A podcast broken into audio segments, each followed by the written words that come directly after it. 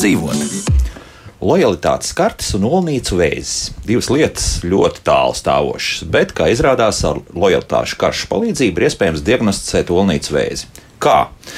Diemžēl viss ir tik triviāli un pat skumji, jo šāda diagnostika var nostrādāt slimības vēlīnajās stadijās, un tas varētu darboties šādi. Lojalitātes kartes uzkrāja datus par mūsu pirkumiem, arī tiem, kas tiek veikti aptiekās.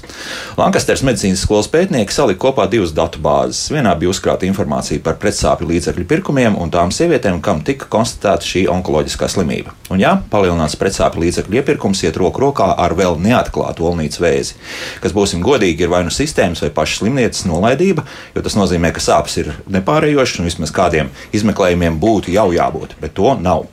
Tāpēc no pētnieku puses ir sekojis priekšlikums šādus datus ļaut apkopot vismaz datoram un laikus paziņot personai par iespējamiem riskiem veselībai.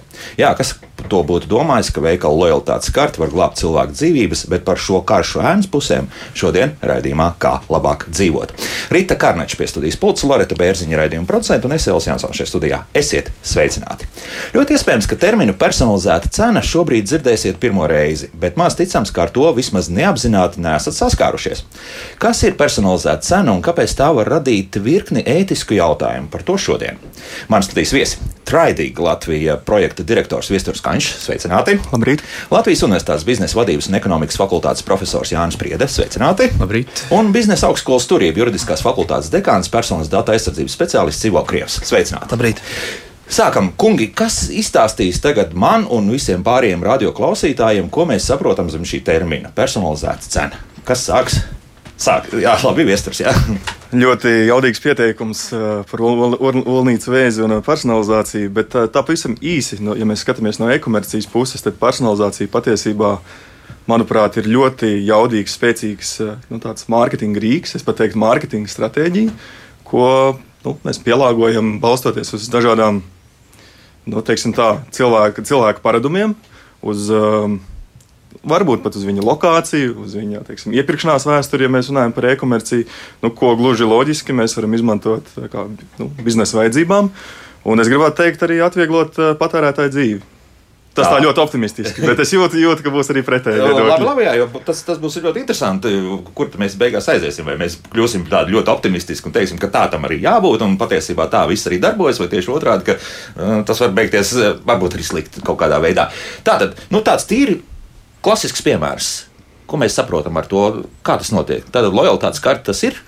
Jā, arī lojalitātes karte. Arī iepirkšanās internetu veikalā, kur mēs skatāmies teiksim, uz mūsu pirkumu vēsturi, cik bieži mēs esam pirkuši, ko mēs esam pirkuši. Nu, iegūstot šos datus, ir skaidrs, ka nu, piedāvājums, ja nu, būsim godīgi, cena visticamāk ir pielāgojama. Tā tad iespējams, ka telefons, kas stāvēs par 300 eiro, tev tiks piedāvāts par 200 70. Nu, pieņemsim, jā, tā tas ir. Nu, ir skaļš, skaļš pieņēmums, bet es teiktu, jā. ka jā, drīzāk jā, nekā nē. Mm -hmm.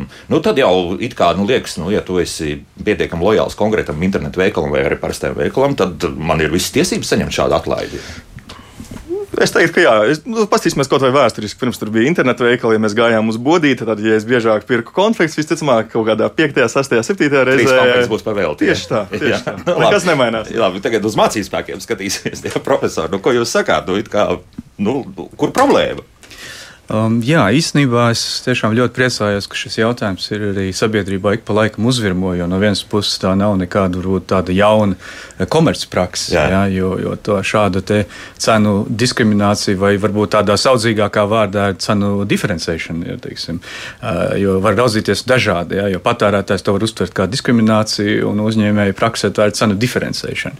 Bet uh, tiešām šis jautājums ik pa laikam uzvirmo, jo tur ir, ir jautājums par to, nu, cik lielā mērā teiksim, šis te varbūt nu, pārdevējs izmanto šo iespēju diferencēt šo cenu un kā sabiedrība to uztver.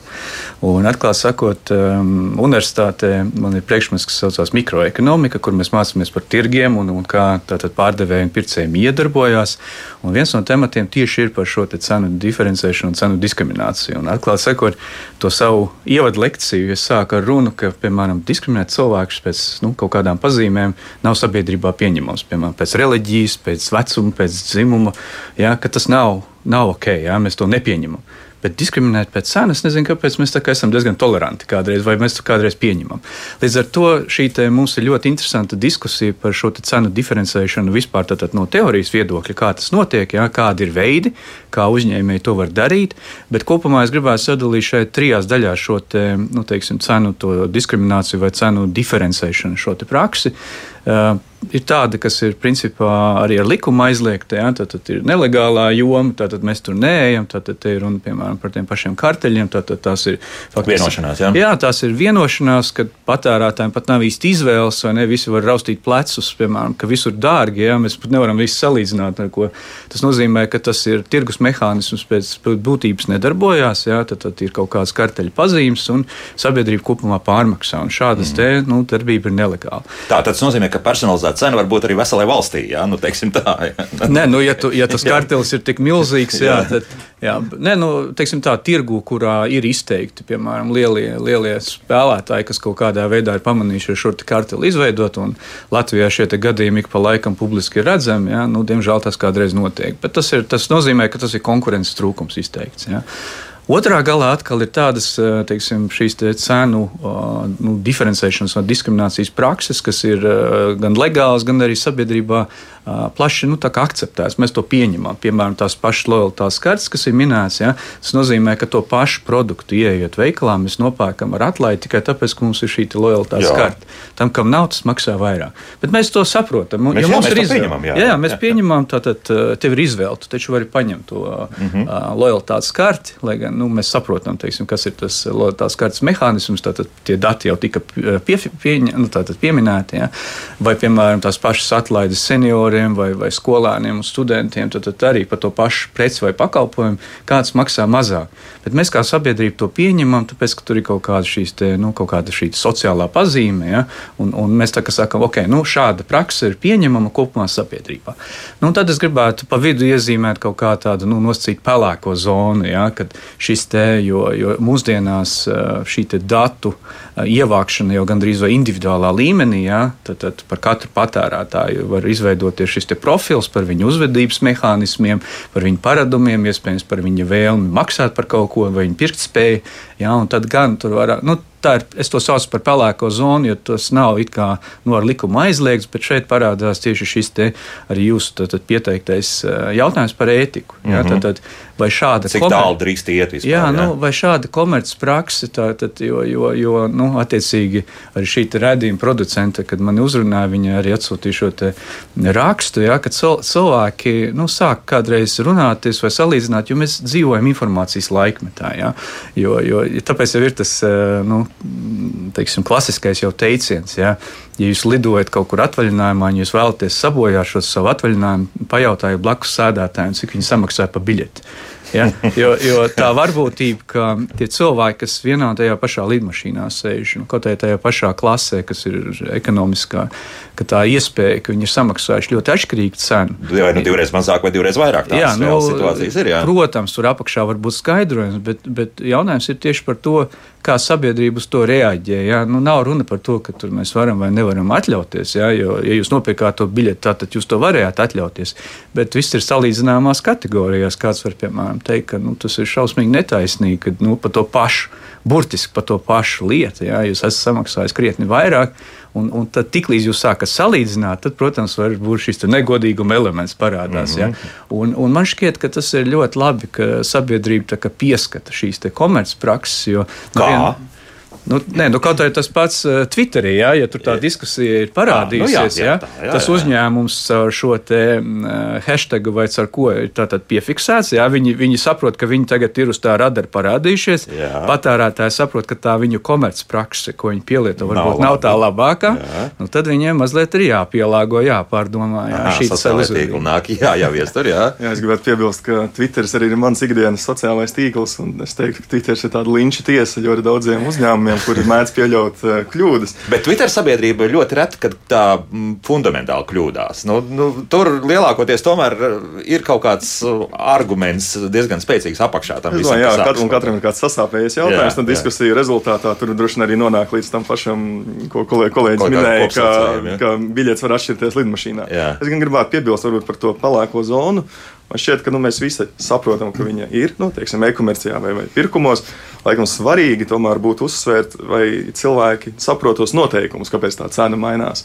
Vai tas ir tāpēc, ka viņi bieži, nezinu, lido biežāk, vai tāpēc, ka viņi nopirka ļoti tādā pika stundā, es nezinu, lidojumu piekdienas pēcpusdienā. Manuprāt, ja Spontānais, no, jā, pirkums, nu, kaut vai. Ja, ja, ja, ja tie noteikumi ir skaidri zināmi, es teiktu, ka nu, tā latiņa no pelēkās zonas pat nu, bišķiņa mazinās. Jā. Bet tā problēma ir tā, ka nu, bieži vien tas netiek komunicēts. Nu, mums ir kaut kādi stereotipi, aizspriedumi, bet īstenībā nu, visticamāk nu, uzņēmumi negrib skaidrot, jo tad vienkārši piedāvājums samazinās. Jā, ka neskaidro. Bet par to pelēko zonu runājot, šeit Ivo noteikti kaut ko teiks. Nu, nu skaidrs viens, ka mūsu pēta nepārtraukti. Līdz ko tu esi internetā, līdz ko tev ir telefons rokā, arī parastais podziņa telefons, tevi nepārtraukti kāds kaut ko mēģina, kāda, kāda informācija par tevi gūt. Nu, labi, slikti. Nu, kaut kā esam pieraduši tā dzīvojam.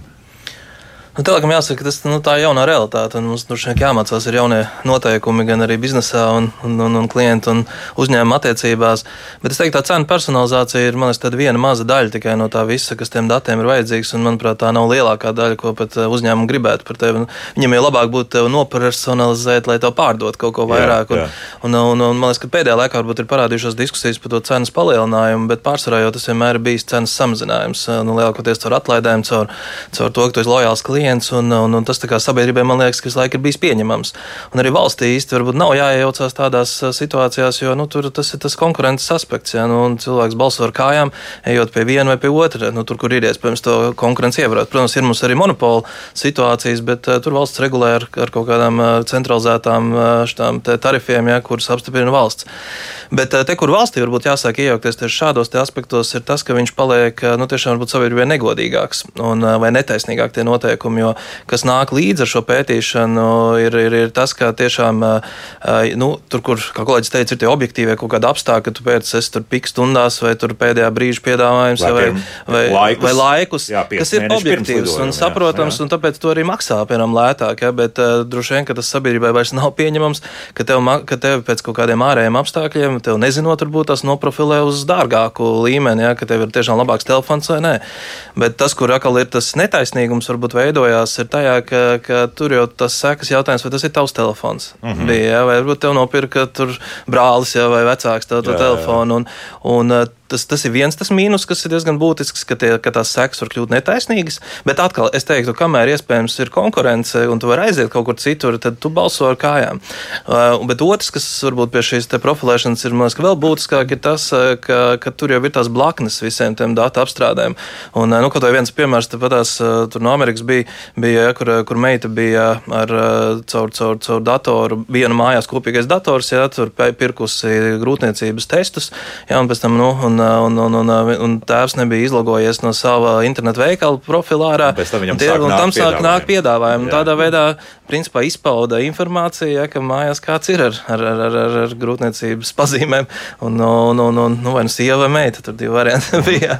Nu, tas vairāk ir tiešām datu apstrāde. Jā, bet tas redz nāk vispār, jo tu pētot, tu visu laiku vāc šīs lietas, un viņas jau iet eh, visu laiku līdz, kāds tev telefons, ja, kur tu brauc, ko tu, un, viņa, un uzņēmumi jau teorētiski grib ar vien vairāk to informāciju iegūt un, un, un savākt lai spētu kaut ko nu, par tevi uzzināt. Mm -hmm. Bet nu, mēs tomēr runājam par diskrimināciju, tā kā profesors arī teica, vai, vai tomēr nu, mēs varam pieņemt, ka nu, jā, ir kaut kāda bāze, pieņemsim, jā, un tālāk jau nu, tas mm, konkrētais komersants nu, spēlējas ar to, vai, vai es to no šīs bāzes kaut ko palielinu. Tiešām, ja, ja tu esi to dārga telefonu kaut ko pasūtinājis, vai tieši otrādi kaut kam no. Es varbūt te varu pieminēt, juridiski varbūt vairāk to dēvē par atšķirīgu attieksmi. Diskriminācija vairāk jau ir ar tādu negatīvu pieskaņu, nu, jā, jā, jā, jā. kas aizliegt ir. Bet atšķirīga attieksme teorētiski ir atļaut kaut kādās situācijās, kurās nu, ir objektīvi pamatojumi tā atšķirība. Jo, nu, skaidrs, piemēram, tas pašs ir, es varbūt no citas piemēra, ja, kad darbā, ja sievietēm ir citas celšanas smagumi nekā vīrietim. Jā, un skaidrs, ka tur sieviete nedrīkst nodarbināt tādā darbā, kur tie smagumi atšķirās. Jā, un ir pār, pārsniegts to robežu. Tāpēc nav tā, ka atšķirīga attieksme pilnībā aizliegta. Viņa var būt, ja viņa ir objektīvi attiecīgā situācijā pamatojama. Vai, vai teikt, nu, no biznesa viedokļa varbūt var teikt, ka cenu atšķirība ir, ir diskriminējoša, bet nu, man liekas, ka tas viņa diskriminējoši kļūst tieši tad, kad, kad, kad sāk varbūt tās pievilkt tos nu, kritērijus, pēc kuriem nevarētu nu, nošķirt personas. Jā, tas pats vīri vīrietis, sieviete, tautība, kas ir nu, Eiropā pieņemtas tās pamatvērtības, pēc kurām mēs kā, nu, nedrīkstam šķirot šīs, te, šīs personas. Viņas, un viņas jau īstenībā nav objektīvas. Ja? Tas, ka tu esi pie vienas tautības vai pie otras, tas vēl automātiski jau nenozīmē, ka tu esi vai nu maksātspējīgāks vai nē. Protams, ir kaut kāda stereotipiska attieksme, no tā mums droši vien būtu jāizvairās. Nu, jā, bet nu, pieņemsim, ja kaut kāda situācija, nu, no hantelēm kaut vai. Ja? Nu, ja, ja teiksim, tas algoritms tev ir atpazīstams, ka tā tomēr ir sieviete un tev piedāvās tās hanteles, nu, kuras varbūt tam veikalam šobrīd jātiek vairāk vaļā, un tās būs divkilogramīgās.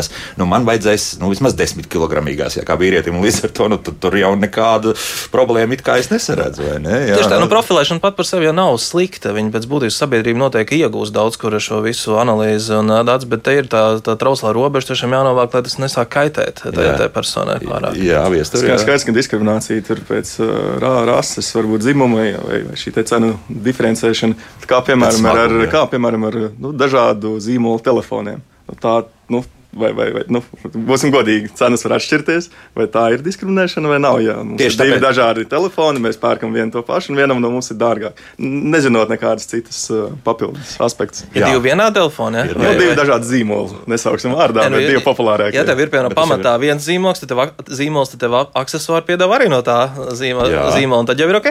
Es runāju par telefonu pirkšanu, bet nu, divi dažādi telefoni mēs pērkam, teiksim, avio biļetes, vienam nu dārgāk, vienam lētāk. Nu, nē, nu, tas, tas, tas, tas, ko es teicu, nu, tas nav visticamāk mazāk objektīvi pierādāms, ka tas ir pamatots un tas var radīt man nepamatots negatīvās sekas, jo tas telefons varbūt tās man ir uzdāvināts. Bet tādas jā. situācijas var veidoties. Jā, nu, es pieļauju, ka var. Nu, jā, palasīsim Twitterī, visticamāk. Jā, jā, nu, jā, jā, jā, jā, jā. Nu, redz, tomēr kaut kādas lietas pastāv, jā, profesori. Jā, vēl kāds komentārs klāt. Es, es, tā, es teiksim, tiešām tomēr gribētu palikt pie šīs te, pie tā, pie tā principa par to, ka, nu, ka starp citu, sāksim jau ar to, kāpēc vispār šādas prakses ir parādījušās. Jā, jo, jo no šīs te ekonomikas teorijas viedokļa tirgu vienmēr, nu, piemēram, pati sliktākā situācija nosacīta priekš šiem pārdevējiem ir viena cena, vienas cenas politika. Nu, tātad, mm. piemēram, tas pats pārtiks veikals, visi iet pārtiks veikalā pirkt nezinu, tomātus, un visi maksā tiešām vienu to pašu cenu. Nu, labi, tur tā lojalitātes karta ir vai nav, bet pēc būtības visiem ir viena cena.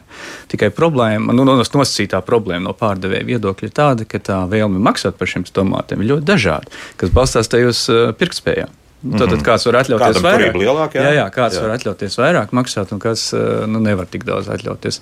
Un, principā, te arī ir visa šī sakne vai tā vēlme pamēģināt, nu, teiksim, piedāvāt šo iespēju maksāt tik, cik nu, katrs varētu atļauties. Ja? Un tāpēc ir parādījusies šī spēle šīm te, uh, cenu, šīm dažādajām stratēģijām. Un, kā jau es arī minēju, ir tādas, kas tā kaut kur ir pieņ, pieņemamas, ja? Uh, bet, bet starp citu, kaut tā pati apjoma cena. Ja, ja jūs, piemēram, ejat uz veikalu un jūs jau veselu iepakojumu ņemat, tad jums par vienu vienību maksājat mazāk. No, jā. tad, tiem cilvēkiem, kas ir kaut kur varbūt skaita vairāk, ja, viņš varētu izvēlēties šādu, šādu še, teiksim, piedāvājumu. Ja. Un, un tas, sanāk, tas nozīmē, ka teiksim, šāda komercprakses, tomēr atkal dažādi iekasē šo naudu, kas varētu būt tieši piesaistīta cilvēka vēlmei maksāt par kaut ko. Ja? Un atkal, ja tas ir no sabiedrības pieņemams, Ja, tas nozīmē, ka nu, kaut kādā veidā uzņēmums pietuvojās šim modelim, ka pamēģina šīs cenas kaut kur diferencēt pēc kaut kādiem principiem. Un, ja cilvēks kā, kopumā piekrīt šādam modelim, ja, tas nozīmē, ka šāda komercpraksa ir pieņemama. Nu, bet labi, ņemsim to lielāko liel, pasaules tirgu, Amerikas Savienotās valsts. Tur viņi tā pašsaprotami to visu pieņem. Tur ir vesels veikalu ķēdes, kurā attiecīgā publika vidējais slānis uz augšu jā, nemaz ne, ne, nerādās, jā, un, un, un viņiem ir savi lielveikali un savu veikalu. Un, un viss tā dzīvo, un visiem ir ļoti labi. Nu, citi brauc uz vairumtirdzniecības, tur, kur tiešām lielos iepakojumos, jā, viss tiek pirkts uz, uz trīs nedēļām, uz četrām nedēļām uz priekšu, un atkal viss ir apmierināti ar dzīvi. Nu, tu varētu teikt, jo, jo principā, teiksim, ja skatās uz cenu diferencēšanu šiem principiem, ir ļoti dažādas pieejas. Ir, nu, tur ir tāds trīs pakāpju diferencēšanas principi. Ja, ka pirmā pakāpe ir tādā individuālā līmenī, ka katram patērētājam tiešām nosaka šo individuālo cenu, kas ir vai nu tam pašam, teiksim, digitālajā laikmetā tas ir iespējams, vai, piemēram, uzņēmumi, nu, kas ir tas saucamais business to business, ka uzņēmums kādam citam uzņēmumam arī tad, tad uz kontrakta pamata var noteikt kaut kādu šo dažādu cenu par par, nu, par līdzīgu šo pakalpojumu. Uh, otrā pakāpe ir tāda, ka, nu, kā jau es pieminēju, šo, šo apjomiem, ja, kad spēlējās ar šo iepakojumiem, vai, vai arī to pašu kvalitāti, ja, kad cilvēki skatās, ja, kas ir tirgu. Nu, piemēram, trešā pakāpe ir pēc geogrāfiskā principa vai vēl kaut kāda, nu, kad teiksim, uzņēmums var piemērot dažādas cenas nu, dažādās valstīs vai vispār kaut kādā pilsētā un lauki. Nu, pēc tirgus lieluma jau, jā, jā. cik tev tas viss var izmaksāt tālāk. Jā. Bet, nu, bet tā dzīvo, nu, ir tā, skaidrs ir viens, ka ir publika, kur nu, pirks attiecīgas žaketes eh, pēc, pēc eh, zīmola un tā tālāk. Ja? Nu, jā, es, es, es domāju, ka uzņēmumi būs gatavi eksperimentēt un, un, un veidot dažādas mārketinga stratēģijas. Ja tas strādā un nes peļņu, viss ir labi. Jautājums droši vien ir par ētiku, par ko mēs šeit slēgt diskutējam. Jā. Kas ir pelēkajā zonā, kas nav. Un nu, tiklīdz kā kāds uzņēmums, arī nu, pašmāju uzņēmums dara kaut ko, nu, varbūt nedaudz vairāk kā vajadzētu, es teiktu, ka cilvēki tomēr ir pamana, sarosās un nu, raisa šīs diskusijas. Galu galā tas ir iemesls, kāpēc, kāpēc mēs esam šeit.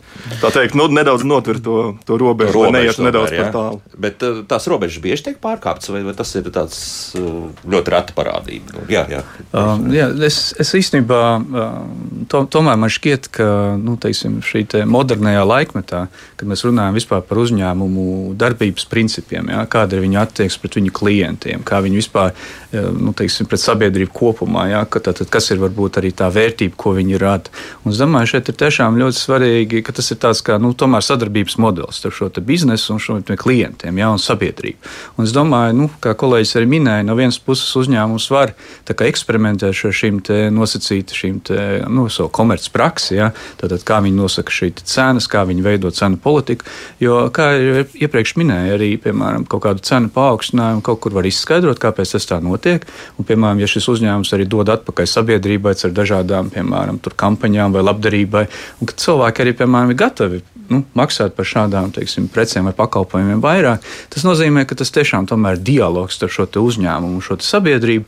Un, ja nu, nosacīti tātad, tā balsošana ar kājām, jā, tātad, bet tomēr cilvēki ja, tātad, pieturās pie noteiktām precēm un pakalpojumiem, viņi atbalsta konkrētu uzņēmumu ar saviem pirkumiem. Jā, tas nozīmē, nu, ka ir atrasts kaut kāds līdzsvars. Jā, bet, bet šodien viss ir ļoti dinamiski, jā, mainās šī vide, mainās kaut kāda šī cenu politika. Es domāju, tas ir tāds nemitīgs monitorings. Uzņēmums skatās, notiek, jā, jā, var darīt, kā, kā, kā, kas notiek ar pārdošanas apjomiem, kas notiek ar sabiedrības viedokli, cik mēs tur tajā Twitterī mm. parādāmies vai neparādāmies. Jā, un, un tas ir tāds nemitīgs dialogs, es domāju, jo šodien tajā informācijas laikmetā nu, mēs ļoti ātri uzzinām par visu. Jā, un ātri viss top zināms. Bet viens svarīgs jautājums, vai, nu, teiksim, runājot par sociālajām grupām un šeit arī par pirktspēju, vai neveidojas gadījumā, ja mēs runājam par personalizētām cenām, tāda situācija, ka tas bagātais zināmā mērā var maksāt par kaut kādu preci mazāk. Nevis tie, kam principā tieši šīs cenu samazinājums būtu krietni būtiskāks. Varbūt tāda situācija var izveidoties. Var. var. var īsa atbilde var. var, bet droši vien papildinot, man šķiet ļoti svarīgas arī šīs te tehnoloģiskās zināšanas. Ja tu saproti, ka tur sīkdatne internetu pārlūkos iegūst par tevi informāciju un var pielāgot šo, nu, tu jau esi uzvarētājs zināmā mērā, ja tu par to neaizdomājies. Nu, līdzīgs arī pie, piemērs ja, par to grūtniecības testu visticamāk Amerikā. Nu, ja tu to nepārzini, pat neiedomājies par to, nu, gribētu teikt, ka tu esi zaudētājs. Nu, tad vai mēs varam veikt kaut kādu korelāciju starp to, ka nu, varbūt eh, dažas sociālās grupas šo nepārzina? Tur tā lieta, jā, teikt, pie mums teikt, tas ir jā. diezgan izteikti, jā, ka mums ir, mums ir, diemžēl, un ik pa brītņiem mums te atskan arī šādi zvani, ka jā, ka gados vecāki, jā, uzreiz jāsaka, cilvēki jā. var nonākt šādās situācijās. Ja mums ir mediju pratība, finanšu pratība, es teiktu, mums vajadzētu arī kaut kāda e-komercijas iepirkšanās pratība. Tur ir būt daudz ko mācīties. Nu, gan jau, ka jā. Kā, es teiktu, tās pamatlietas, bet ir svarīgi viņas zināt un sekot līdzi. Jo galu galā, nu, beigās tur arī samaksā mazāk un es ieguvējis. Jā. Noteikti, noteikti, jo man liekas, ka mums visiem jāmācās, ir tas digitālais tirgus, jau visiem liek kaut kādas jaunas paradumus saprast, un, un, un, un arī mēs tur noteikti daudz ko nezinām. Tas, ko kolēģis teica, ka kaut kādā veidā ieguvējs, protams, ka ir tas, kurš tehnoloģiski zina, bet es esmu gan pārliecināts, ka mēs vēl nezinām pat aizberga augšējā daļa tā ir, ko lielie giganti varbūt spēja apakšā tur sa saģenerēt un ko tie algoritmi var izdarīt. Bet varbūt pie riskiem es teiktu, varbūt vēl drīzāk lielāks risks ir tiešām tur, kur nav tā konkurence tik, tik ļoti brīva, ja kaut tie paši digitālie lielie milži sociālai tīkli, ja, kur tu nevari kājām aiziet uz kaut kurien citurien, un, un, un tur jau tā cenas manipulācija jau var būt nu, piespiedu rakstura gandrīz vai. Un tas ir tas, varbūt, ar ko vajadzētu sākt cīnīties, ja, kur cilvēks nevar nobalsot un aiziet uz, no viena pakalpojuma sniedzēja uz otru. Tur kāds piemērs tagad prasītos, ka, par ko mēs runājam? Nu, tā paša sociāla tīkla, jā. Jā, kur, kur, kur tev pielāgo gan, gan, gan reklāmas. Nu, tur ir tas, tas profils, ir cilvēki ir jau tik ļoti perfekts un uztaisīts, ja viņi var pārdot tiem pakalpojumu sniedzējiem nu, ļoti labu to profilu. Bija kaut kur es atrastu pētījums, ja, kur teica, ka, ka, ka, ka, ka viens no lielajiem sociālajiem tīkliem eh, par, par pieciem ierakstiem viņš tev pazīst kā tāls radinieks, ja, un par desmit ierakstiem viņš tev pazīst jau kāds tūs draugs, un eh, par simts taviem ierakstiem viņš jau pazīst labākā mamma tevi. Un līdz ar to tur jau, un viņi to, to var pārdot tālāk, ja, mm -hmm. kā pakalpojumu sniedzējiem, kur atbilstoši pielāgo to, to cenu. Saprotu, kas tev ir kritiski pat vajadzīgs tajā brīdī, kur var izmantot atkal to negatīvo aspektu, nevis jau pozitīvu pozitīvo stimulu, bet negatīvo. Ja tā var teikt, tev piespiež, saprot, ka tev nav variantu, tev vajag aizlidot, tu, tu histērijā meklē pēdējā brīža biļetes. Viņš to lūk. pēc ierakstiem piefiksēja, ka tu esi help, ko darīt. Ja? Un algoritms to saprot, viņš saprot, ok, tu nekur neliksies. savukārt, savukārt, ja sāk plānot šī brīža, nevis šobrīd vasaras kaut kādus ceļojumus, tad man ir atkal tieši otrādi. Es varu saņemt vislabāko cenu. Jā, jā un jā. tas, tas būtu šis labais tas, tas blakus efekts. Jā, jā. Un, un, nu, bet otrs tikpat labi to var izmantot arī sliktajā blakus mm -hmm. efektā. Tā, tas algoritms var strādāt dažādi. Viena ir tas, ka jā. vajadzētu pārdot šim cilvēkam konkrēto preci, jā. un otrs ir, ka šo preci vēl varētu vēl nopelnīt vēl vairāk. Jā? Tā darbojas abos virzienos. Tas jau ir kā nāzes, jā, tur ir labi lietas. Es domāju, jāņem vērā arī, ka no nu, sociālajos tīklos mēs tomēr kā lietotāji esam zināmā mērā. Nu, produkti. Mēs par šo Protams. sociālo tīklu nemaksājam. Attiecīgi, kādam gigantam ir vienkārši izdevīgi apkopot šo informāciju. Šos miljardus nopelnīt. Jā. Tā kā, man liekas, atsevišķs topiks vēl, nu, varbūt vēlāk par, par to pašu GDPR, kāpēc vispār tur bija, vai ne, kolēģi? Nu, pāris gadiem. Mākslīgo intelektu, jā. Ja. Ne par GDPR, jā. tieši par šīm sīkdatnēm, cik, cik ļoti ir aizsargāti mūsu dati. Man šķiet, ka tas ir, mēs visi gribam maksāt mazāk. Jautājums, vai mēs zinām, vai mēs kontrolējam datus par sevi, ko iegūst šie uzņēmumi. Nu, labi, jā, bija tā pareizi, jā, tad par regulu, jā, jā profesor Valku. Nē, es vienkārši, ir tas, ir tas teiciens, ja kaut kas ir bez maksas, tas nozīmē, ka jūs esat produkts. nu, tas ir pilnīgi skaidrs. Tagad laiks mūzikai, kas arī ir produkts, starp citu, un par ko tiek arī maksāts arī, starp citu, autortiesības, Latvijas radio to dara, un pēc tam būsim atpakaļ. 3 minūtes 47 sekundes. Kā labāk dzīvot? Eh, šodien mēs runājam par personalizētajām cenām.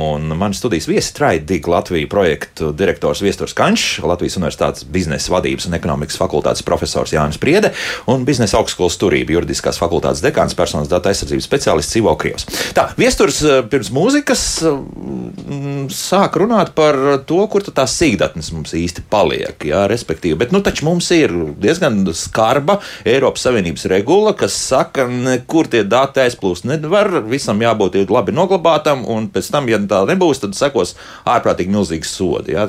Valdos, cik tu te procenti no uzņēmuma apgrozījuma, kas var sasniegt, pieņemsim, kādam sociālajiem tīklam daudz, daudz miljardus. Nu, tad nav problēma. Vai ir tomēr problēma? Ja? Ka ir tomēr doma, ka kaut kam varētu to visu pārdot. Šis īdatnes un šis GDPR regula pirms pāris gadiem jaudīgs temats. Man, man šķiet pagaidām nedaudz noklusis bet eh, joprojām kāds saņem sodus vairāk gan varbūt ar. Eh, ārpus Latvijas. Amerikā, ārpus jā. Latvijas, bet arī Latvijā man šeit ir bijuši gadījumi gan par miljoniem. Gan viens bija. Viens bija jā. Jā. Bet eh, šeit svarīgs aspekts ir, kā uzņēmumi vispār uzglabā šos datus. Jo bieži vien daudzi kaut ko saglabā, bet nu, viņi visticamāk nepārzina, vai nav konkrēts, konkrēta atbildīgā persona, kas to pieskat, kas jau rada kaut kādu risku uzņēmumam. Otrs nav pareizi ieviest šie sīkdatnes, šīs te, šie te paziņojumi, kas absolūti nav nekāds retums. Ļoti bieži vien viņam uzliek šo ķeksīšu pēc, bet funkcionāli tas neko nepilda. Nu, funkcionāli ar to es saprotu, ja cilvēks ienāk lapā un viņš nav atļāvis ievākt par sevi datus, nu, tad viņiem arī nevajadzētu šos te ievākt. Daudzi ievāc. Tā kā, Tāpat, tas jā, ir tāds bomba, bomba, bomba ar laika degli. Tā kā mm. te ir liela atbildība patiesībā uzņēmumu pusē. Ir arī konkrēti risinājumi, kas ir eh, nu, cilvēki, kas pieskat šo visu, lai viss ir korekti, lai viss atbilst uh, juridiski un legāli, viss, viss, viss ir kārtībā. Bet uh, svarīgi ir arī, kā uzglabā šos datus. Bieži vien tās ir nu, tehnoloģiski CRM sistēmas, kur, kur, kur, kur šie dati tiek izmantot. Jo, ja nemaldos, pēc likuma ir jābūt tā, ka es kā patērētājs saku, ka es vairs nevēlos, lai konkrē, konkrētais internetu veikals, konkrētais zīmols par mani uztur vairāk datus, ko viņi ir ieguvuši par mani teiksim, nu, pēdējo pirkumu gaitā. Mm -hmm. Jautājums, vai tas ir iespējams? Nu, tas būtu interesants eksperiments arī ar pāris internetu veikaliem, ja viņiem palūgt izdzēst par sevi visu informāciju, vai viņi vispār to varētu izdarīt. Jo, lai labo man kolēģi, man, man, man, man šķiet, ka tādai, ka tādai funkcijai būtu, būtu jābūt Būtu pēc jābūt, pēdējām nē, regulām. Pēc regulām būtu jābūt, un tas viņiem būtu arī jāpilda. Nu, tas, tas gan, jā. Nu, pats saskāros ar ļoti interesantu lietu. Nomainīju internetu provideri un, uh, lasot jauno līgumu, secināju, ka man, nu, lai dabūtu ļoti labu piedāvājumu nākamajiem diviem gadiem, nu, tiek arī tāds man jāparaksta viens no līguma punktiem, ka konkrētais providers uh, par mani iegūtos datus drīkst dot tālāk kādam komersantam. Nu, Piedāvājums bija tik labs, ka es, protams, parakstīju šo. Ja? Nu, tad es, protams, kā patērētājs, zināmā mērā esmu sevi nolicis zem zināmā āmurīša. Ja? Nu, tā taisnība ir. Bet nu, tik izdevīgi. Tik izdevīgi. Ne, nu, ar tiem datiem ir tā, ka šis nu, noteikti uzspiests nevarēja būt tajā situācijā. Un, un, un, un ja tas būtu kā izvēle, pieņemsim, vai tu vēlēsies iegūt kaut kādus. Kaut kādu labumu jā, par to, ka tu pretīm nu, tas uh, darījums no Jā, savas tas bija puses punkts, tāds datus. juridiski Jā, ierakstīts, bet viņš nu, nebija, viņš bija uzspiests, jo, ja tu Jā. neparaksti līgumu, ja, tad tu, tev jāparaksta punkts kopā ar to līgumu. Jā, Viņš nebija izcelts jā. ārā. Jā. Pareizi būtu, viņš būtu izcelts ārā, jo šādas, protams, ka nevar piespiest datu apstrādes sava- sa- savilkt kopā ar to pamatu pakalpojumu. Jo viņš jau nebija vajadzīgs pamatu pakalpojumam. jā, Protams, tas jā. bija tikai kā papildus, un līdz ar to viņš bija atsevišķi par to bija jāvienojas. Tas būtu tas pareizais risinājums. Bet, ja es te vairākas reizes mazāk varu uzreiz par to maksāt par internetu, nu, tad Jā, bet nu tāpēc jūs atsevišķi vienojaties. Jā. Jo tā šajā gadījumā jau iespējams arī tā, ka tas providers daudz kur ir vienīgais, un te atkal tas piespiedu mehānisms mm -hmm. ir. Ja tev mājā ir viens pievilcis tikai klātīm, jā, un, un tev jau nav beigie varianti, tu, tu, tu nu, gribi vai negribi, jā, paņem vai, vai, vai ej projām. Un, uh, un tas, tas, tas, protams, ka nav vienlīdzīgs tur patērētāja attiecības ar, Ar- ar, ar, ar, ar, ar piegādātāju. Jā, tātad, bet vai tas tā būtu normāla prakse, kad tomēr es apzinos, jā, es apzinos tos riskus, kas, kas tālāk varētu sekot par to, ka man var mm, sekot vairāk dažādu piedāvājumu tajā pašā internetu vidē, bet toties, nu, es, jā, zināmā mērā esmu ieguvējis, tāpēc, ka no sākuma es maksāju krietni mazāk. Jā. Nu, jā, nu es varbūt no juridiskā viedokļa pateiktu, ko, ko regula arī pārēdz. Tā, tā, tā, tas mērķis ir tāds - ļaut pašam kā, tam datu subjektam, saucamajam, vai patērētājiem pašam kontrolēt savus datus un izlemt, kas ar viņu datiem notiks. Un tur jau ir tas deals, ka ļaut man ar tevi nu, novienoties par to, vai man ir tas izdevīgi vai nav. Tā problēma uz doto brīdi ir tas, ka daudz to dara pakluso, nu, cenšoties neparādīt to informāciju, bet pareizi jau būtu tās privātuma politikas, ka mēs visus šos algoritmus zinām. Mums ir jāzina šie algoritmi, ka viņi tādi ir, kāpēc viņi ir un uh, kāds ir pamatojums un ir uzņēmumi. Īstenībā nav jau tik vienkārši, ja tās cenu personalizācijas mēs vairāk no biznesa viedokļa runājam, bet juridiski viņam viss ir jāpamato. Jebkurš datu veids, kur viņš ņem, ir jāpamato. Viņš ir jāizvērtē caur uh, ietekmes uz privātumu prizmu, viņam ir jānovērtē jau proaktīvi visas iespējamās negatīvās sekas. Viņam ir jā, jāievieš pasākumi, ko viņš darīs, lai tās negatīvās sekas neiestātos. Nu, netaisnīgie, piemēram, kaut kur var kļūdīties, kaut kur var nepareizi novērtēt. Ja? Tas viss viņam bija jāizvērtē, bet lielākoties jau ir tā, ka viņi savāc tos datus tie uzņēmumi, un viņi vienkārši nu, uzdulo, vienkārši taisa tos algoritmus un īpaši neiespringstot, vai tur ir kaut kādas potenciāli kļūdas, iespējamība vai nav. Vai to telefonu viņš, viņam būtu jāizvērtē, ka pastāv iespēja, ka tas telefons ir kāda cita nopirkts. Viņš, un varbūt jātaisa kombinācija no vairākiem datu veidiem, lai būtu droši nodrošināt to, to, to visu. Un, eh, nu, tas ir tas, kas jādara. Būtu, bet nu, es pieļauju, ka to varbūt nu, atsevišķi lielie uzņēmumi dara, bet, eh, bet nu, tādi vidēji mazie. ne. Un likumi te nepalīdz. Ne, ne re- regulas, kas nāk no Eiropas Savienības, Nu. pieņemsim, vai, vai arī vietējās. uh, Es valsts. arī nu, regula jau, nu, zina, likums jau visur nepieliks klātiem savu tos uh, sargus, jau viņas, un šīs algoritmiskās lietas jau ir diezgan grūti no ārpuses nokonstatējams. Viņas, protams, ik pa laikam iznāk ārā vai nu uzraudzības iestādes iet pārbaudēs, vai nu, piemēram, kaut kādi bijušie darbinieki iznes to informāciju uz āru. Ja? Tāpēc jau ik pa laikam arī tie sodi tiek, bet uh, nu, lēnāk garā tā joma tiek kārtota, bet, uh, bet nu, nevar visiem piesēst blakus. droši Jā, jāsaka arī, ka Jā, tehnoloģijas bieži vien iet uz priekšu ātrāk Jā, nekā nekā nu, kontrolējušie. likumi, likumi pēc tam tiek. izsakot jā. līdzi. Jā. Bet, nu, tad, nu, ko dzīvojam kaut kā uz priekšu. Jā. Nu, neviens laikam tāds īpašs cietējs tad šeit neraksta. Kaut gan eh, mums jautā, nu tad lūdzu vairāk pastāstiet par to, kā pircēji, ar, mm, ar, principā, kā tirgotāji manipulē ar pircējiem. Tā laikam būtu pareizi. Jā. Jo, kā ar pircējiem manipulē tirgotāji, Ilza mums jautā. Nu, tad kādu konkrētu piemēru, kur mēs varētu teikt, ka, ka, ka šīs varētu būt to, ko profesors saka par diskrimināciju, jā, kur mēs runājam. Nu, tas, tas pats, jā, nu, pirkšana no kāda telefona, ja, kur, kur atpazīst, ka šis ir, nu, būsim godīgi, vai no iPhone, respektīvi, vai, vai, vai kāds no Android modeļiem, kas maksā reizes 4 vai 5 lētāk, jā, nu, tad šeit varētu būt kaut kāda atšķirība. Ja? Nu, es, es tiešām, es, man, man tā praksa, cik es pētīju, ir vairāk ar, ar tā saucamu, varbūt bišķi pozitīvo praksi no, no, no uzņēmuma viedokļa skatoties. Ja nu, pārsvarā viņi cenšas uzminēt tos produktus, kas tev ir vajadzīgi. Nu, tā ir sava veida manipulācija, mēģinot piedāvāt tev to, ko viņiem interesē, kas, protams, arī rada kaut kādas vārdu brīvības riskus. Nu, piemēram, Google, ja jūs ievadītu, ka jūs gribat, nezinu, savu atrast savu tev atbilstošāko frizieri, ja, un tev, piemēram, izmetīs tur desmit pirmos ierakstus, ar pirmais būs tur sponsorēts, tas saka, nē, tas nav jā. mans un tālāk. Saka, oh, rekš, tas forši ir. Bet izrādās, ka varbūt tās arī tie pirmie aizsponsorēti ir apzināti ielikti. Jā, un tas īstais frizērs ir 28. lapā. Tomēr, jā, tas, tas, tas tā varētu būt. Protams, jā, jā un, un, un, un, un te varbūt tā manipulācija ir vairāk caur to, ka tev virza uz kaut kādu viena veida produktu vai pakalpojumu sniedzēju tomēr, ka tu neapzinājies, jo ir sponsorē, bet tomēr daži varbūt tās ir pārlikt augstāk tur citiem iemeslu pēc.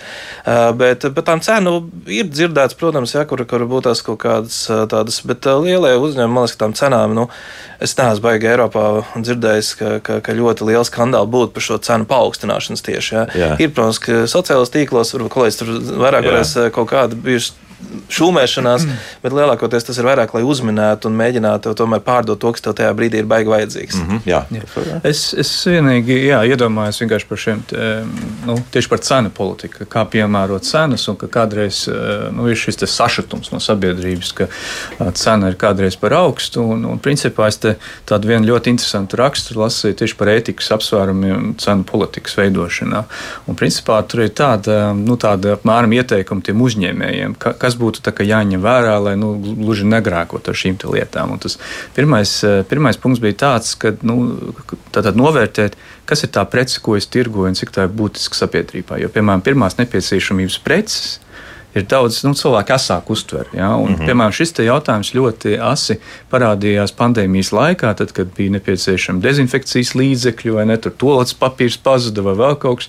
Un cilvēki šīs lietas eh, ļoti asi uztver, tad, kad cena pieaug. No vienas puses varētu teikt, jā, bet tur taču bija deficīts un tur piegādes ķēdes, un it kā jau no tirgus mehānismu viedokļa tas tā arī veidojās, ka tur cena pieaug. Bet cilvēki kādreiz var to ļoti asi uztvert, ka nu, tā ir pirmās nepieciešamības prece. Ja?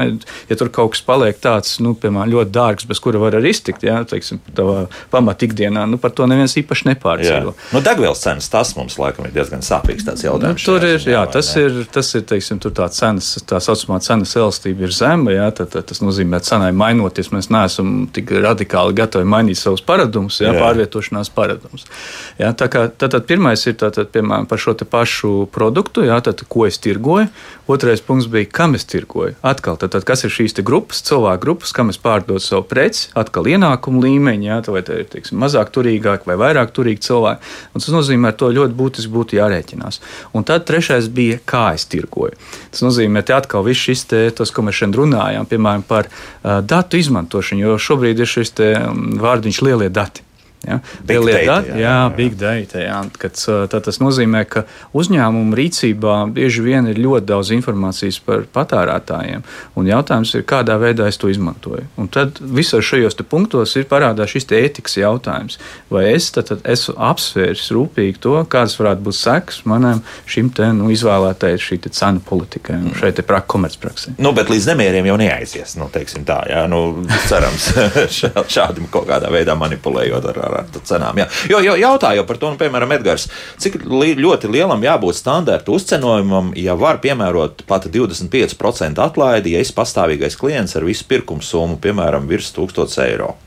Nu, jā, tas, tas ir atkal Tur, tur, Kur ir tā bāzes cena īstenībā? Es, es domāju, tur ir, tiešām ir vairāk tāds jāskatās uh, konteksts. Ja, jo bieži vien ar uzņēmumiem, piemēram, praksi, viņi var iedot ļoti lielu atlaidi kādai precē arī uz sava rēķina. Faktiski viņi ar zaudējumiem kaut ko tirgo, lai piesaistītu nu, pircējus, jo pircējs nenāk pirkt tikai vienu preci, piemēram, veselu grozu, ja, un, piemēram, turēt zemes cenas vai dot ļoti labas atlaides kādiem noteiktiem produktiem. Tas ir vairāk saistīts ar kādu konkrētu gadījumu. Nu, šobrīd mums ir tā šomēšanās ap piena cenu, ja, kur ir izrādās. Nu, tā pamat, pamats ir tas, ka Polijā diezgan ilgu laiku vienkārši valsts piemaksāja saviem uh, lauksaimniekiem tikai lai to, lai varētu iekarot tirgu. Jā. Nu, nu, nu, tā tas notiek. Nu, jā. es domāju, tāds redzams piemērs arī ir šie interneta provideri vai operatori vai apdrošinātāji, kas bieži vien, manuprāt, uz savu rēķinu vienkārši iegūst šos jaunos klientus. Iespējams, pat tevi, kur tu minēji, ka tu paraksti vienkārši tādu aiziet. Vai ir gads, divi, iespējams, jau to līgumu aizmirst.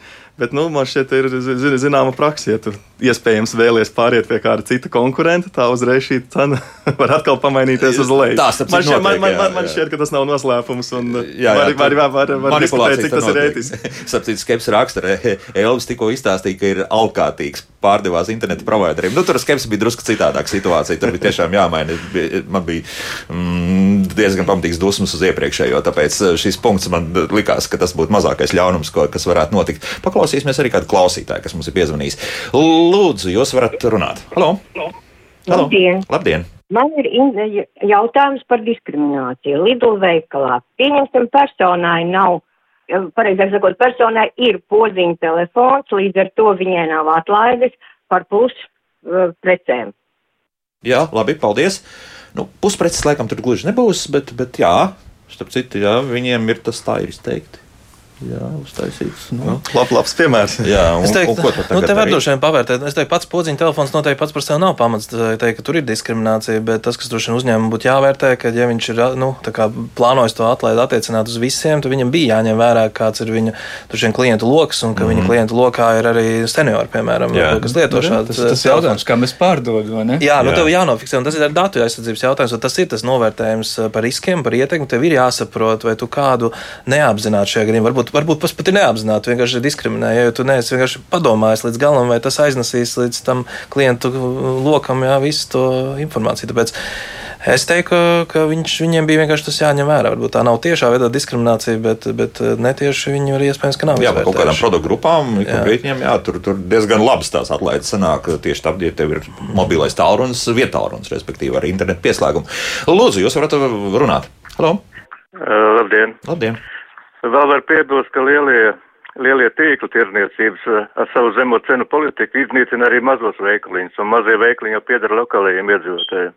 Uh -huh. nu, paldies! Nu, arī tā. Es varu pieminēt, varbūt, ka mēs runājam par cenu. eh, Ir jau tas, arī tas konkurences un tiesību aspekts, kur ir konkurences padomu, kas to kontrolē. Viens ir tas kartels, ko mēs runājam, kas ir slikts, ja, kad, kad, kad konkurenti vienojās, un līdz ar to nav iespējams tur arī patērētājiem pāriet. Bet otrs arī vēl ir tas monopola stāvoklis, ja, ka ir tie dominējušie stāvokli esošie uzņēmumi, ja, ka viņiem ir tās iespējas palaist to cenu kaut kādu brīdi lejā, lai pārējie iznīkst, un pēc tam lēnā garā caur to cenu augšanu un uzviju nopelnīt. Un, eh, tas ir tas, kas arī būtu jāizskauž. Nu, es nedomāju, ka šeit ir lielveikalu tīkla, tā, tā ir, bet, eh, bet, bet eh, nu, tur, kur ir tie monopoli, tur mums gan vairāk ir valstiski kontrolēti tarifi. Ja? Bet, eh, bet, bet tas, tas ir tas vēl viens risks, ja ir tāds liels spēlētājs, kurš Jā. Var ar savu masu vienu brīdi no, nolaist to cenu ļoti zemu, ka pārējie nespēj izdzīvot, un pēc tam palikt tā kā vienīgais tirgu. Un, Bet liekas, ka tur arī diezgan arī valsts skatās līdzi. Jā, jā, tāpēc ir konkurences padomu, Konkurences to padomu, jā, tieši tā. Jā, jā, jā, protams, Jā, faktiski par šo te, to cenu dempingu, jā, tā praksa ir, ir, ir tas nav tā kā atļauts kā paņēmiens, nu, tīrais dempings, lai, piemēram, iznīcinātu savus konkurentus. Bet tajā pašā laikā te ir tāda ļoti tāda atkal palākā zona, jo kāds var teikt, ka šī vienkārši ir tā cenu konkurence. Es esmu nolaidis zemu, lai konkurētu, lai piesaistītu šos te, uh, klientus. Tā, tur ir tāds bišķiņ, nu, tāds, uh, tāda mazliet palākā zona, kā es pielietoju šo te un kas ir tas patiesais mērķis. Jo skaidrs, ka, piemēram, šī konkurences mazināšana ilgtermiņā ir ļoti slikta lieta. Tas var atsaukties uz kopējo cenu līmeni. Jā. Bet tos tādus piemērus mēs redzam ļoti maz, man tā. Nu, Nē, tas nu, ir, faktiski tas, ko zvanītājs minēja, piemēram, ka Nu, nu, tas- tas... lielie tīkli var izmantot šo savu faktiski, nu, pozīciju tirgu un, un, piemēram, mazinās konkurences uz tā rēķina, ka, piemēram, mazie, mazo šo individuālo komersantu veikaliņi pamazām izzūd. Ja, to mēs redzam, ka faktiski tam lielajam tīklam ir tās pilnīgi citas iespējas uzturēt veselu tīklu. Ja, tas mazais eh, skaidrs, ka. Manipulēt ar cenām un to piedāvājumu. Ne, nu, mazais individuālais komersants, piemēram, tajā pašā pārtikas segmentā, viņš nekad nevarēs uzturēt tik zemu cenu, nu, tā kā lielais tīkls. Nu, tas ir loģiski. Tas jā. ir neiespējami. jā. Bet te arī, līdz ko mēs kaut ko mēģināsim sākt regulēt, tur aizies visas lielās auzās. Liekas. Jā, tad... Nu, noteikti, nu nevar droši vien valsts iejaukties cenu regulēšanā. Tev arī nav tas eh, dominējošais stāvoklis. Tomēr tajā tirgu ir daudz tie lielie spēlētāji. Nu, viņi savā starpā konkurenti tur vienkārši tā ir pilnīgi cita niša un līdz ar to nu, tā konkurence. Ir laikam objektīva šoreiz. Mm -hmm. uh, viens viens viens mums raksta, valsts mājaslapas pēc noklusējuma prasa apstiprināt visas sīkdatnes, bet pogu uztaisīt tā, lai to izdarītu, ja neiedziļinās. Vai to vajag vai nevajag? Nu, jā, jā. Drīkst man te ir īstenībā atsevišķs interesants stāsts Jā, par šīm te, ir tāda disciplīna uzvedības ekonomika. Un no vienas puses, ārkārtīgi interesanti, ka spēta, kā mēs, nu, teiksim, kā patērētāji uzvedās, kā mēs, teiksim, kāda ir mūsu rīcība tirgu.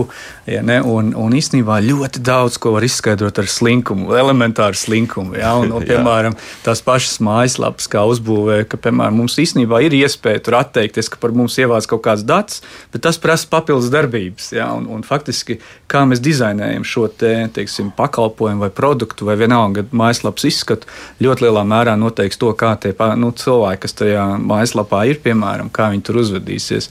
Jo, jo nu, teiksim, ir ļoti daudz šie piemēri un eksperimenti, jo, kā jau minēju, šī uzvedības ekonomikas disciplīna kopumā eh, gan pēta, kā mēs uzvedamies, un arī var tikt izmantot arī kā faktiski nu, li, nu, teiksim, rīks jā, vai līdzeklis, ko uzņēmumi ir izmanto, lai, lai teiksim, dizainētu konkrētas mm -hmm. mājaslapas. Es domāju, ka jā. viņš piebilst par sīkdatnēm. Tur tieši agrāk bija tā praksa, ka, lai tu atteiktos no sīkdatnēm, tu bija jāiet settingos iekšā, un tas, protams, bija apgrūtinoši. Nekā ir. Bet es- Uzstādījumos, jā, bet es bišķi gribēju te pa, pa to sīkdatnēm, ka nav jau tā, ka visām sīkdatnēm jābūt piekrišanai. Tur ir tas sadalījums, būtu skaidrība. Tad ir tāds, ka ir tās saucamās obligātās sīkdatnes, kas ir vajadzīgas, lai vispār pakalpojums darbotos, un tā, tās sesijas darbotos, ie- logošanās darbotos, un, eh, un lai tas pat pamatpakalpojums tik nodrošināts, tām nevajag piekrišanu, tām pietiek ar Tiešām, jā, jo tā, Tām mēs pietiek skaidrojam, informēt. kā tas darbojas, tad, tad Informēt. sanāca, ka, ka vajag tomēr piekrišanu. Nē, arī tam. piekrišanu vajag tikai tām, kas ir komerces sīkdatnes, Jā. jā. tur ā, statistikas, analītiskās, ā, mārketinga sīkdatnes, tām gan vajag to piekrišanas pogu. Pārējām pietiek ar, ar esmu iepazinies. Nu, vienalga, kāda poga ir, bet Mhm. Jā. ka tas informēts tikai par, par, par to. Informācija, jā, jā.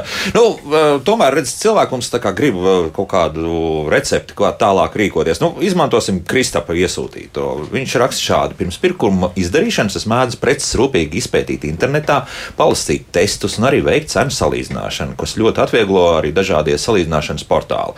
Mūsdienu iespējas ļoti atvieglo dzīvi un ļauj justies pārliecinātam, ka esmu izdarījis pareizāko izvēli. Bet pēdējā laikā esmu vairāk kārt saskāries ar situācijām, kas liek apšaubīt šo praksi kā vienīgo pareizo. Iejot veikalā, kas pat nepiedāvā zemāko cenu, pārdevējs sarunas laikā piedāvā cenu, kas pārspēj zemāko piedāvājumu internetā.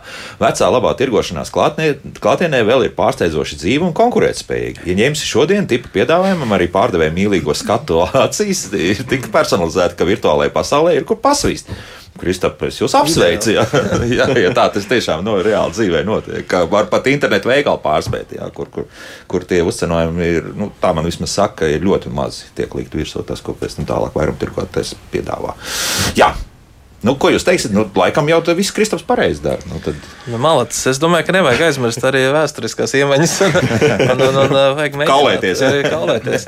Bet nu, vēl var iziet, ja grib, negrib baigi algoritmiem uzroties. Nu, ir jau šajās te internetu vidē ir tie, ties, tie, tās iespējas surfot internetā anonīmā veidā. Ir, ir katram no, no šiem pārlūkiem internetā ir tas privātais pārlūka iespējamība, ja, ka tas sīkdienas tiek atslēgts. Ja. Tas gan nenozīmē, ka kā varbūt labāk piedāvāja kaut kur nedabūjāt uz otru pusi. Jā, nu, pēdējie vārdi, jā, profesor. Jā. Nē, es, es vienīgais, jā, tā bija ļoti laba pieredze, un es domāju, ka tas tieši ir saistīts ar, ar cenu līmeni. Ja mēs, protams, pērkam kaut ko dārgāku, skaidrs, ka šī te izpēte ir ļoti noderīga, un salīdzināt cenas tas ir tik, tas obligāti ir jādara. Ja?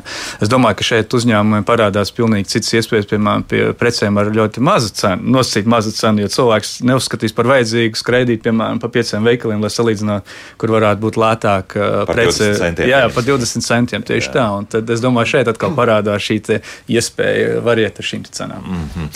Jābeidz. Uh, Traidīga Latvija projektu direktors Viesturs Kančs, uh, Latvijas Universitātes biznesa vadības un ekonomikas fakultātes profesors Jānis Priede un biznesa augstskolas turība juridiskās fakultātes dekāns personas datu aizsardzības speciālists Ivo Krievs bija šeit studijā. Kungi, paldies par sarunu. Iespējams, kā kad turpināsim šo sarunu, jo nu, šobrīd arī publika ir labi ieskrējusies. Komentāri birst kā no pārpilnības raga, un tur ir visādi interesanti. Pat to mums raksta radio klausītājs, ka izrādās varot arī lauku veikaliņā nopirkt lētāk nekā lielā, lielā pilsētas centrā. Iespējams, iespējams, viss var būt. Jaukdien visiem! Tā.